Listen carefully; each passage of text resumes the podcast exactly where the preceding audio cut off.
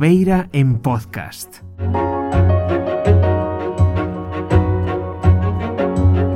Pois moi boas a todas e todos e benvidos a unha nova conversa da Lobeira. Oxe, como podedes ver, os que estades vendo isto, xa seña en directo, xa sexa eh, no YouTube, eh, os que non, os que estades no podcast, eh, poderedelo apreciar nos nos refachos de vento que se entran que entrarán seguramente de vez en cando no, no audio estamos no estudo exterior da Lobeira Today. Eh, hoxe temos con nós a unha rapaza todo terreo a, a, unha, a unha destas youtubers que nacen unha de cada 100 destas que o fai todo que pode tanto falar de Palestina como falar de veganismo. Pois hoxe temos a Adriana. E imos xa pasar a convidala.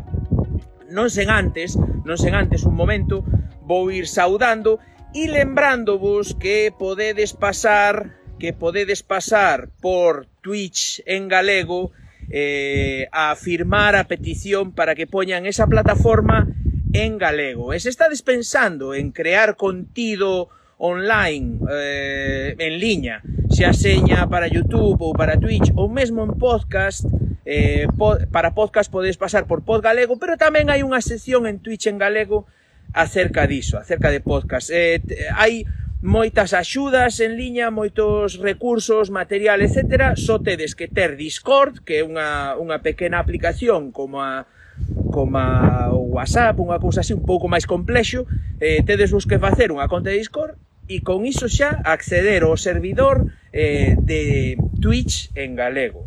Eh, coñeceredes un mundo novo aberto de propostas, de colaboracións, etc. Imos xa. Moi boas, benvida a Lobeira, Adriana. Hola. Que tal? Como estás?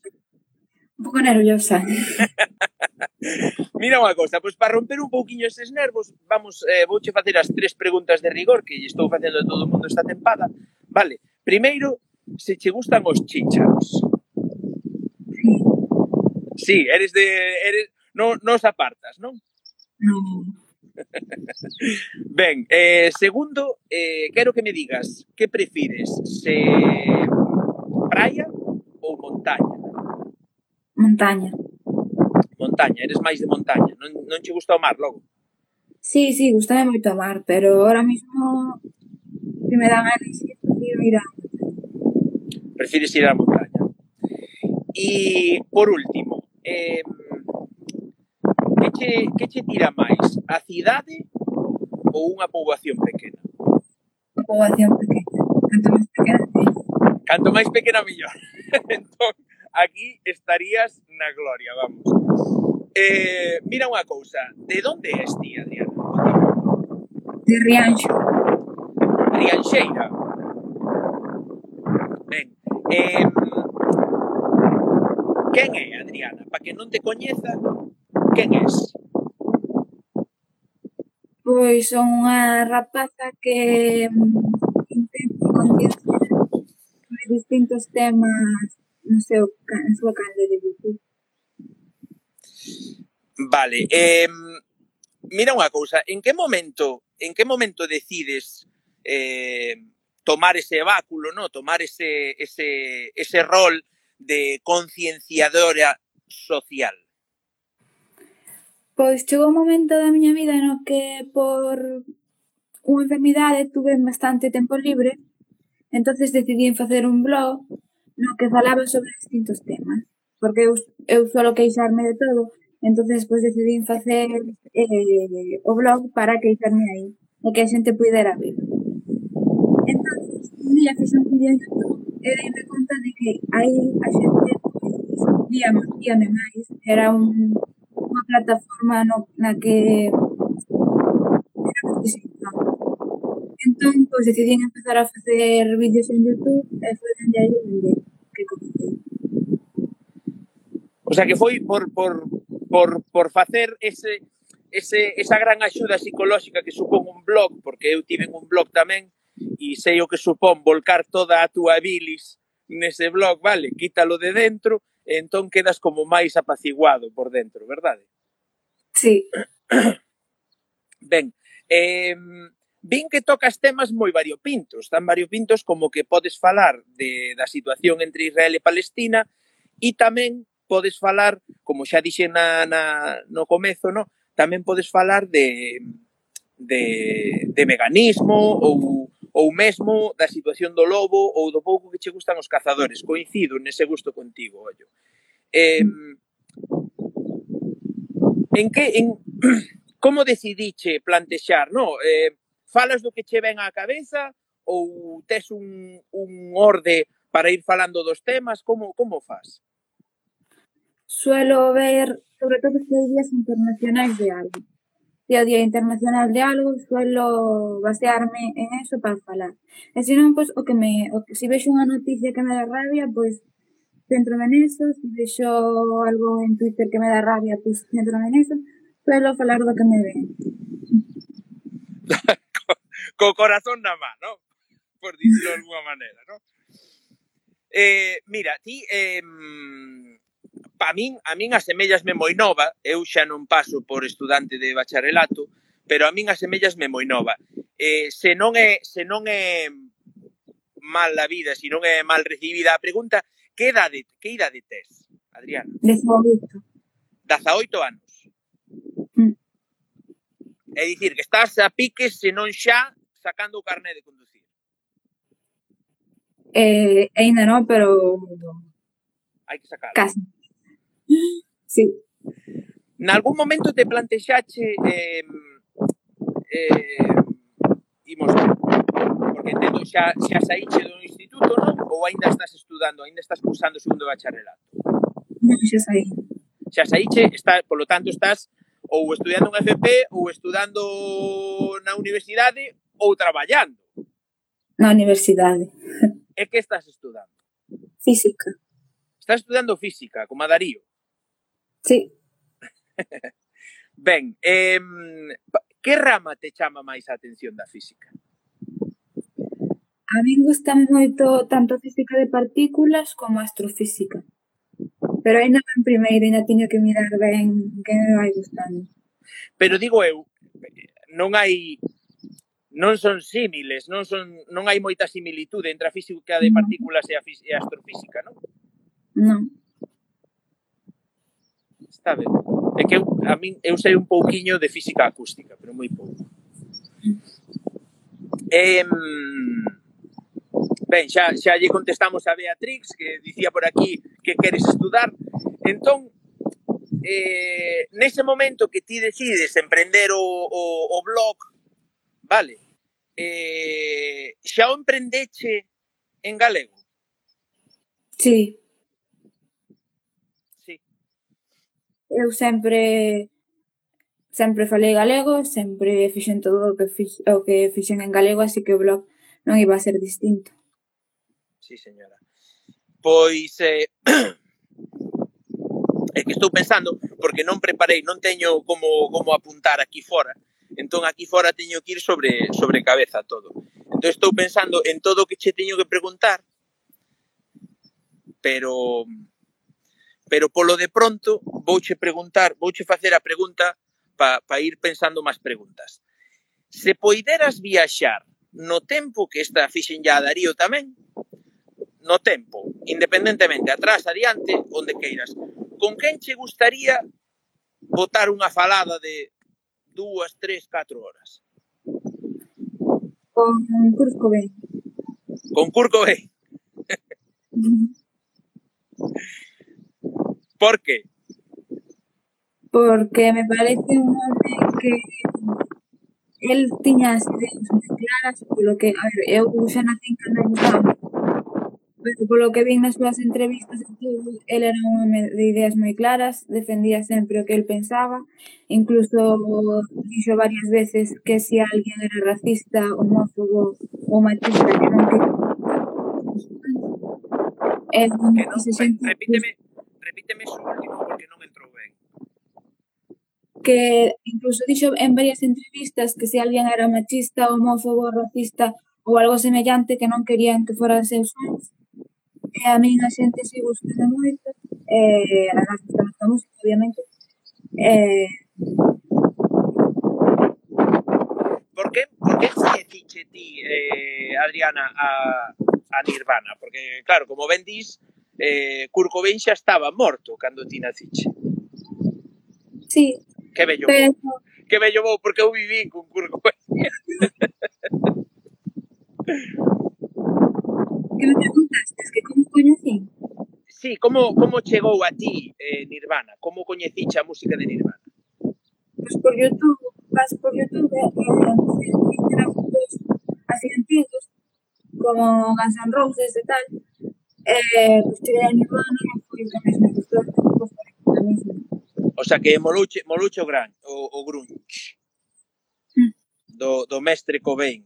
Ti sabes que eu aprendín a tocar a guitarra con, con, con Nirvana, con Unplugged in New York de Nirvana, eh, que foi por dicilo así, os máis puristas, os que coñecían a Nirvana desde o principio, xa coñecían os discos anteriores, pero o primeiro gran disco foi o Nevermind e despois o, o, o que os lanzou xa o estrelato foi aquela novidade que despois se puxo moi de moda, que era facer os unplugs, no, os desenchufados, eh, que foi o unplug en, en, en New York, que estaba Kurt Cobain con aquela aquela chaqueta de lana desgastada, no? cantando ali moi moi aflixido el. Eh, pois con ese con ese disco, ese disco tive, no? Original teño, de feito. E, e con ese disco aprendín eu a tocar a, os primeiros acordes do do bueno, posteriormente dos Mel Light and Spirit, que é a canción coa que unha das cancións coa que, coas que conquistei a miña Lucía, eh, eh, e fíxome graza ca, cal foi a primeira que aprendín? Espera. A de Come As You Are. Vale? E que era moi moi lentiña e tal, e ese punteo, os punteos de Nirvana eran moi sinxelos de, de sacar a guitarra e tal. Eu con esas aprendín a tocar eu. Em, bueno, ide, ide deixando os que estades por aquí no directo, xa no YouTube xa nada, xa pasouse vos o arroz, pero os que estades aquí en directo e de deixando algunha pregunta se queredes facela, eh, mira unha cousa, cantos vídeos tes agora mesmo publicados, Adriana? Pois non sei, terei 40 ou 50. 50 vídeos. Eh, en cal dos temas te sintes máis cómoda? No veganismo no, no tema do veganismo. Viche, por casualidade, sigues a Nuria Espasandí? Viche que sacou un, un novo vídeo, disque, da serie, desta serie que estaba facendo ela sobre o veganismo, que xa explica ao principio do vídeo que non sabe porque lle chama series, porque logo nos continúa, non? Pero viche o novo vídeo de Nuria? Vin mitad. sí, eso pasa moito. Eso pasa moito. Eh, ben, eh, eres, eres vegana por, por elección, é dicir, comías carne cando eras nena ou eres vegana de sempre? Fui vegana por elección. É dicir, comías carne cando eras pequena. Eh, a que anos decidiche comenzar a, a, a, a introducirte no veganismo? Aos 16 empecé a ser vegetariana e aos 16 Por que sempre se dá ese paso e non se entra directamente ao veganismo? Por que se dá ese paso de primeiro vegetariano e despois vegano? Porque sempre parece a xente pensa que será carne e non costas. Entón, pois,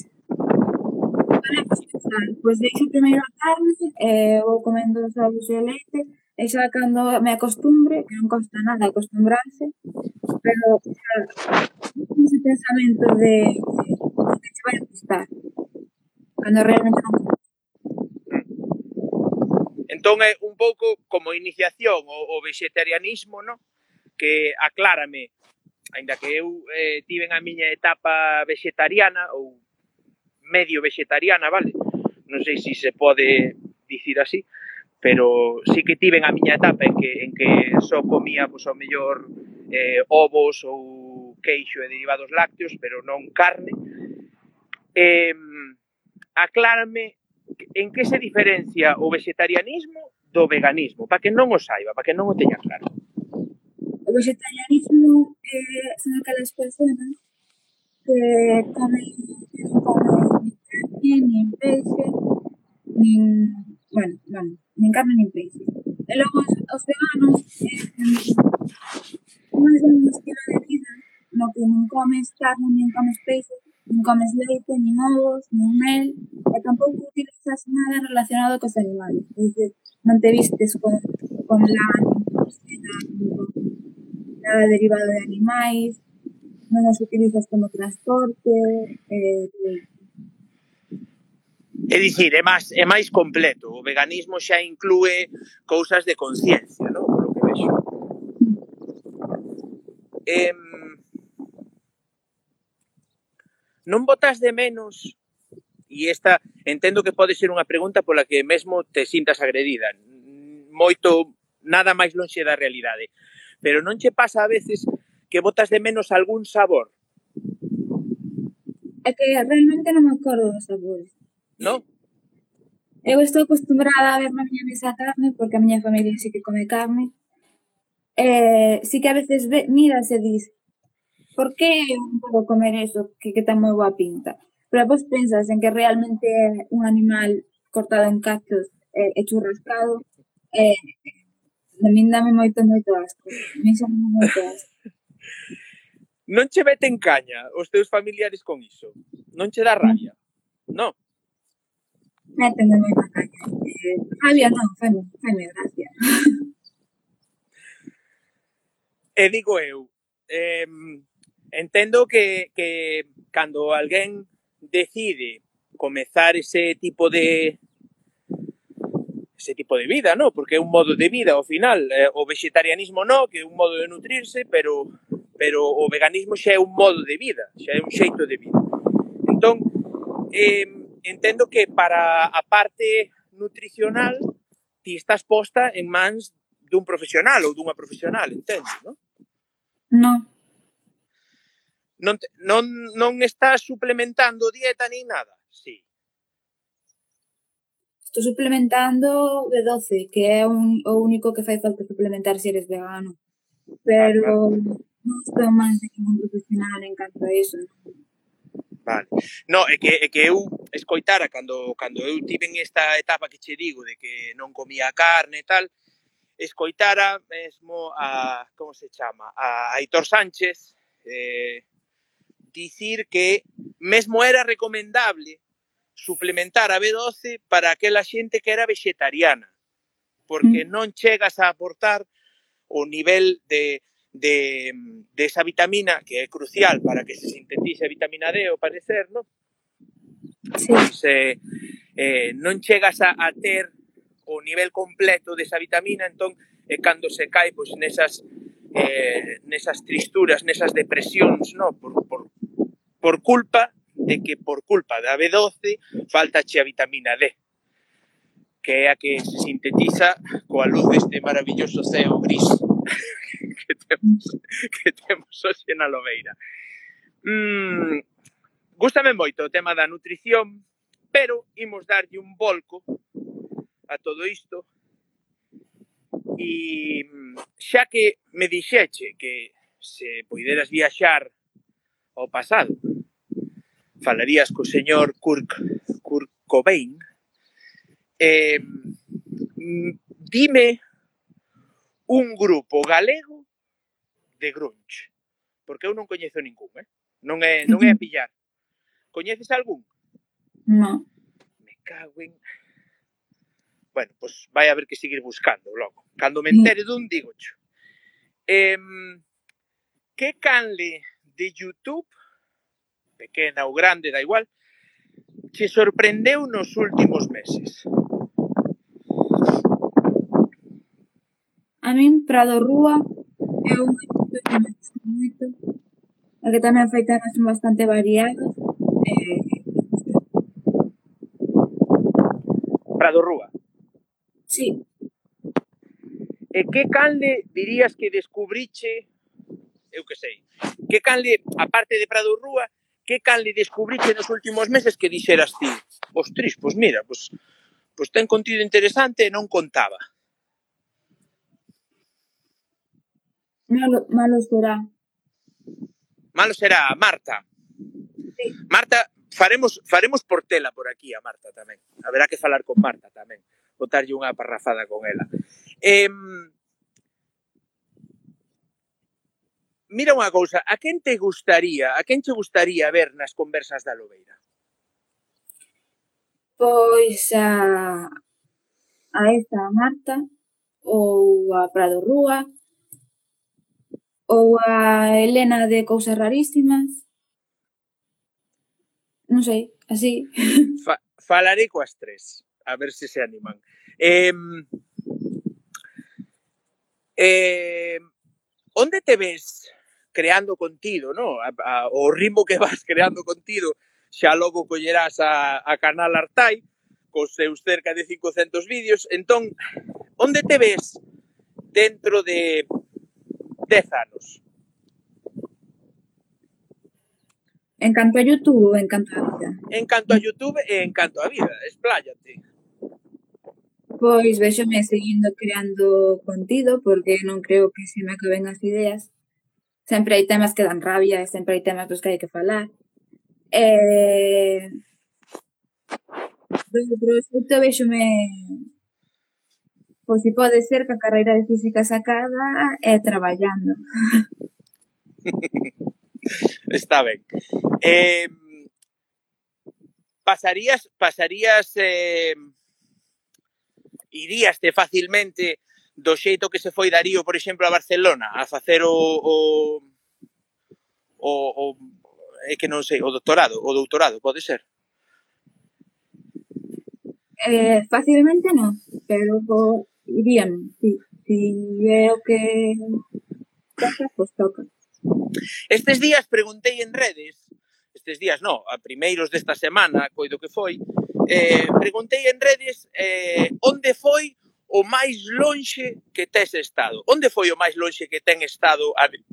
Perdón, Adriana? En Italia. En Italia en onde? non sei se queda máis longe, pero estudei en Florencia, en Milán, eh, e non me acordo. Na, na, eso é a... Ah, como se chamaba? Porras, non me sale. Que está... Ah. Bueno, non me sale agora a provincia, pero sí, sei onde está. Florencia estivo a miña, a miña muller tamén. Mm. Adriana, Adriana. Estou pensando, eh? estou pensando, non, non... Porque tiña moitas máis preguntas. Sí, um, como... Vamos a ver, como... Como preparas... Eh, como... Ala, vai así. Ala, caeu. Como preparas eh, os temas? Levache moito tempo toda a escrita ou vos a cámara e daxe directo Non, lévame tempo escribir. Eu escribo os temas como si fose para, para o blog. Eu escribo todo, redacto, eh, e despois estudo máis ou menos e, e, e, e digo máis ou menos como me vai acordando. Escribo como se fose para subir despois ao blog, que a veces fago e a veces non. Continúas a escrita do blog?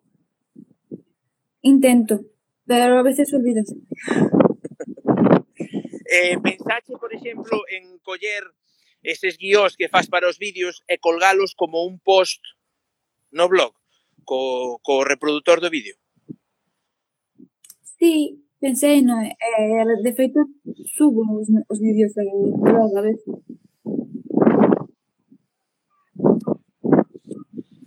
Que che iba a dicir eu? Eh, estáme custando, eh, que non me estás non me estás alongando nada os temas, eh. Eh, ai. Dios, vou sin aire xa. Eh, mira que levo, eh? Mira, levo 4, 4 ou 5 voltas e xa estou cos coloritiños postos. Mm,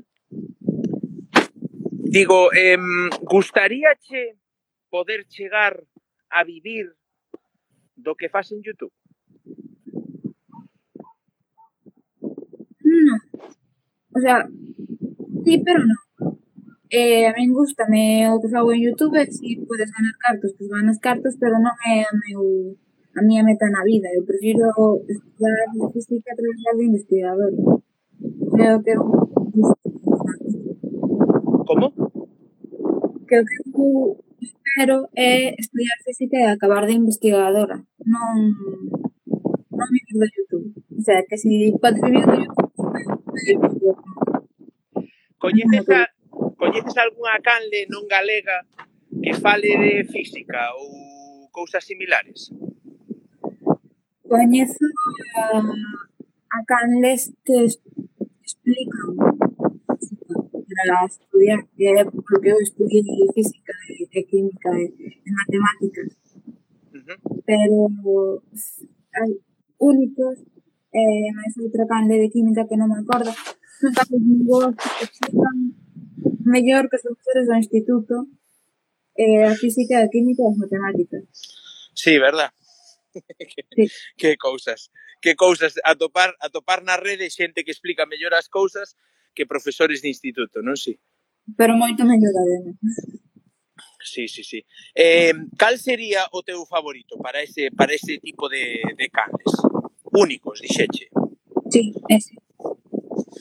Únicos é unha comunidade educativa, non? Non, é, non falan un pouco de todas as asignaturas? De matemáticas... Sí. Mm.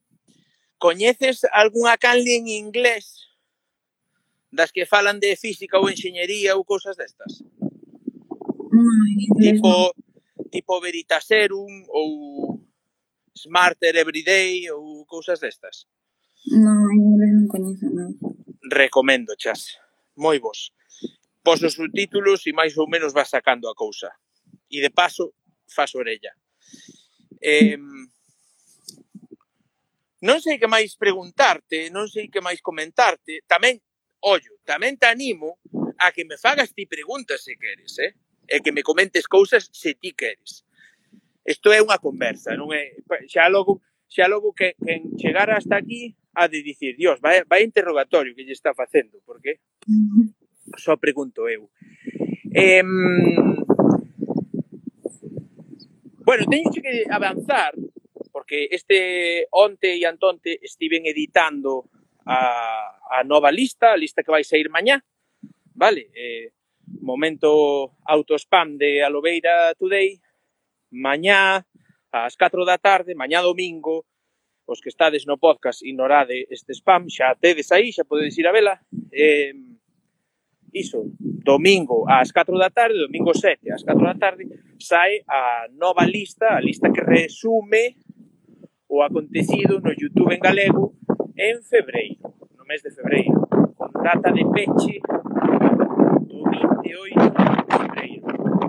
Que flipei, porque eh, Galiza en Pé é unha das canles que máis medra, vale, é unha das canles que máis medrou, e flipei tamén con unha canle que entrará na lista directamente xa do mes que ven, e sen embargo, a data de peche tiña tiña 32 32 suscripcións tiña a data de peche, a 28, vale? E onte mirando 176. Ollo aí, eh? Cal será? Ah? ah? Saberémoslo o mes que ven. Ben, eh, vouche deixar agora, Adriana, un minuto máis ou menos para que spames as túas redes, a túa canle, falese a xente que vexa isto, do que faz, eh, de por que se teñen que seguir e, e todo iso. Así que, dalle, o tempo é teu. Bueno, pois eu son Adriana Romero, de Galicia en Pé. Eh, unha, teño unha canal de YouTube na sobre todos os temas que me apetece, sobre todo veganismo, antifascismo, eh, diferentes cousas que se me veñen á cabeza. Eu creo que este queredes ver unha canle variada que me podes e nas minhas redes sociais tamén Galiza pois estou bastante activa tamén, entón, pois, tamén podes visitar. Xa está. Dios, sobrouche sí. tempo. Sobrouche tempo, tía. Que capacidade de síntese. Eh, mira unha cousa, vin que escribiche un... O sea, escribiche, non, que fixeche un vídeo, bueno, escribíchelo e despois fixeche o vídeo sobre a, a caza do lobo, sobre o tema do lobo. Que opinas diso? A parte do que dixeche no vídeo. É dicir, non che vou dicir agora que vin o vídeo porque non o vin, pero vin que sacache o vídeo e teño pendentes como 10.000 vídeos máis. Porque se non sabía unha cousa, vou vos contar algo, eh, dende o mes pasado, dende finais de xaneiro, a Lobeira Today, a Canle, a Lobeira Today, só sigue canles en galego. É dicir, sigue a todas as canles que entran en lista das 50 do YouTube, máis as posibles canles que poden entrar, máis as canles que van saindo nas listas temáticas de Alobeira Today. É dicir, por que fago isto? Porque se todos fixéramos isto, eu, so, eu, creo, eu creo na xente, entón, se todos fixéramos iso, nas nosas canles en galego, seguíramos eh, bueno, digo nas nosas canles en galego como se tiveramos canles en castelán. Nas nosas canles seguíramos a canles en galego, o YouTube en galego medraría. E o YouTube en galego posicionarase mellor nas túas na, nas propostas que che fai YouTube. Entón, eu decidín pois comezar a seguir a todas as canles, e cando digo todas, é todas as canles que fan contido en galego. Entón, claro, teño moitos vídeos en pendentes. Entenderásme que, que o tempo é o que teño. E, e entenderásme tamén que cando estás escribindo, facendo vídeos, montando, tal, non sei que, ao final non tes todo o tempo que quixeras para para ver para ver todo o contido que quixeras. Entón, por iso che pregunto eh, que, que, que, que opinión che merece a peña que di que o lobo é malo e que hai que erradicar o lobo e que hai que darlle caza? Que o lobo é animal, o lobo non ten funciona como un que che moleste que as túas ovellas gárdalas de noite non non non sei como se chama pero eso, que hai solución de feito digo no, no libro que, que hai solución no digo, hai solucións para que o lobo non ataque ao rebaño entón, por que cazalo? por que asesinar a un animal inocente que ao final que, que sabe lo que fai solamente come un cambio que ten antes, sabes? Eh, para, mí todos os animais son inocentes porque para mí todos os animais eh, non saben o que fan. Entón, opino que todas, todas aquelas comunidades, incluídas, Gali, incluída Galicia, que votaron en contra de, de que se prohibira o que, que non saben moi ben o que fan e que, que bueno, me podemos. Non che parece que moitas veces na sociedade téndese a, a criminalizar un animal en troques de eh, analizar ou corrixir os erros desa sociedade? Sí, É que en vez de encerrar as ovellas de noite, botanlle a culpa ao lobo, sabes? Ou en vez de poñerlle máis vigilancia, botanlle a culpa ao lobo. Non, non funciona así. Mm. O lobo non, non, non sabe que iso non o pode comer, ¿eh? eh, el ten as súas necesidades.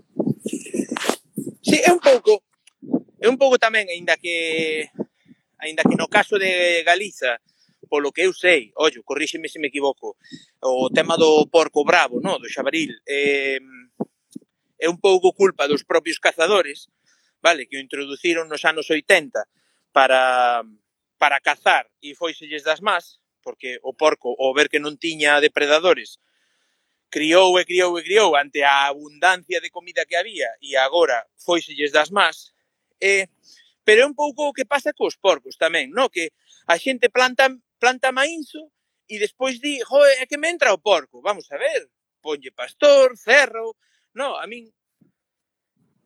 Mm. A min faime moita graza neste aspecto. Eh, hai unha... Na, na, na AGE 68 que vai cara a Villalba, vale, cara a Vilalba, hai eh, hai unha terra que sempre a ten o Nacho cando é tempada de, de millo, sempre a ten plantada completa de millo, vale? E tena cerrada enteira, pero é unha terra moi grande, e tena cerrada enteira con estes cerres que hai de, de columnas que van metido o muro pre, prefabricado, vai metido entre dúas columnas, non é? Encastrado así, e van encastrando entre cada dúas columnas, van metendo un anaco de muro, pois ten toda a finca pechada así, que dixen eu, a ese non lle entra o porco, eh? No, no maízo. Ao mellor ten que plantar maízo daqui a que morran os seus netos para pa rendir o que lle vale o muro. Pero, pero a ese non lle entra o, o, o porco. Entón, sí que é certo que hai medidas que tomar en contra de, de que eses animais que non fan máis que buscar eh, buscar ma, manutención, no, buscar comida para eles, pois que non que non lle fagan mal o teu gado ou as túas plantacións, non, non crees? Sí.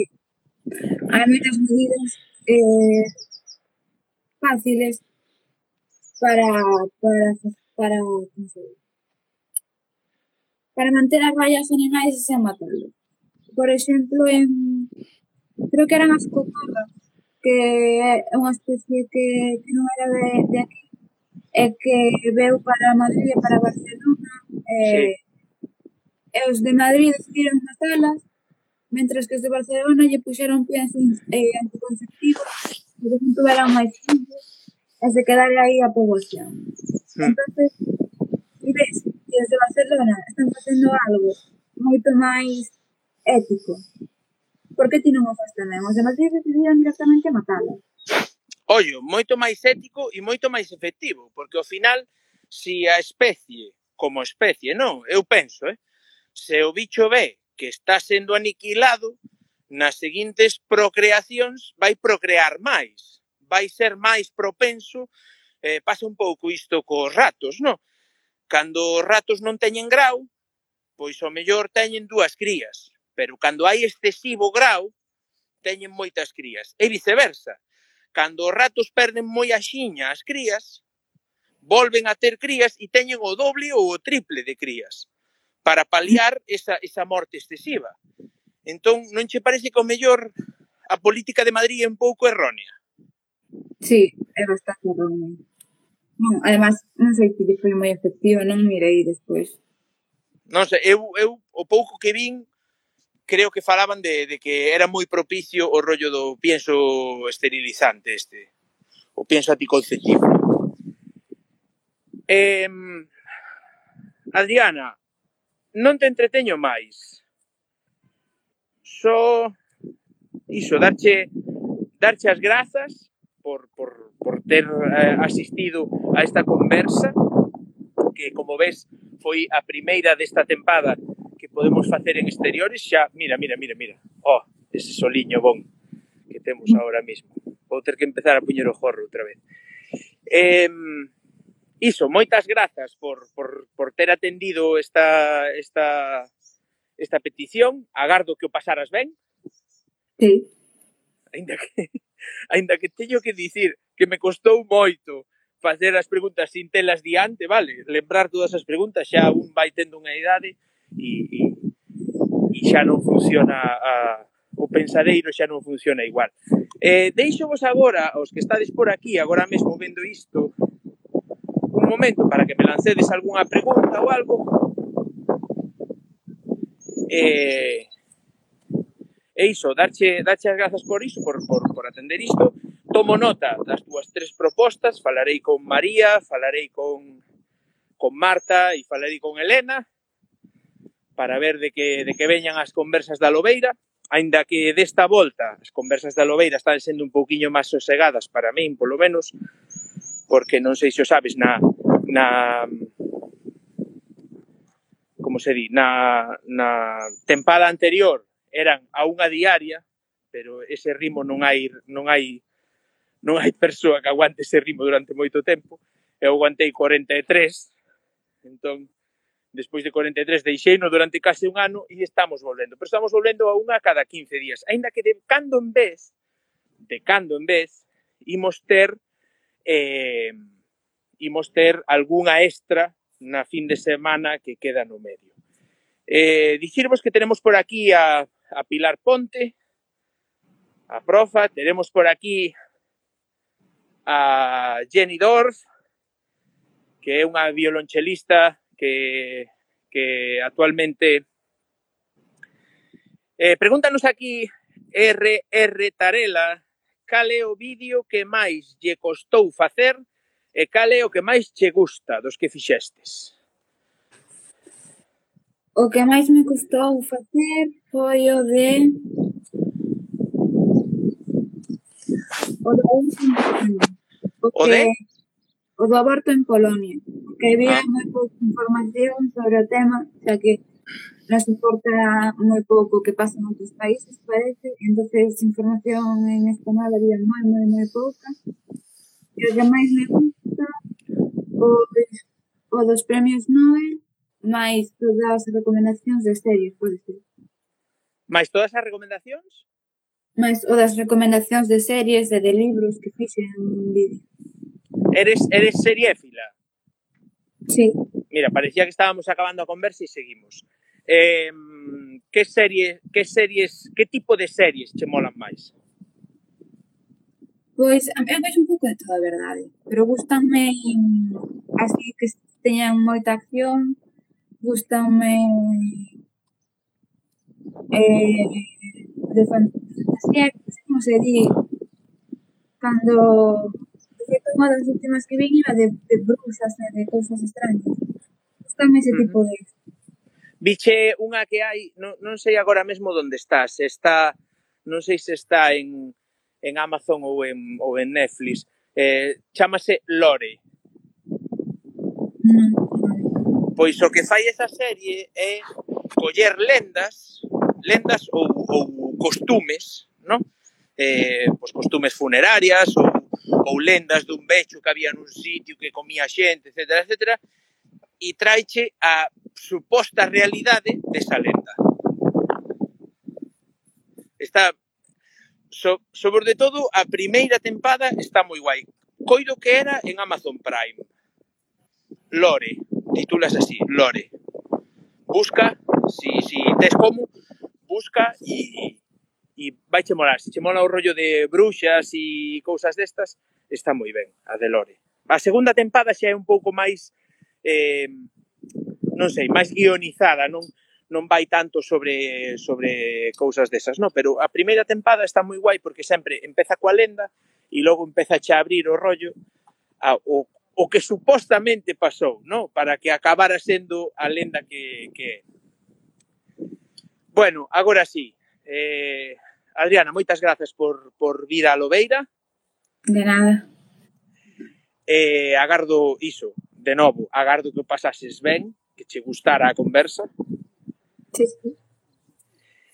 E, e nada máis, a todos vós, darvos as grazas tamén por ter eh, estado de novo por aquí, por ter comentado, por ter preguntado, e como sempre digo, vémonos noutra e apertas.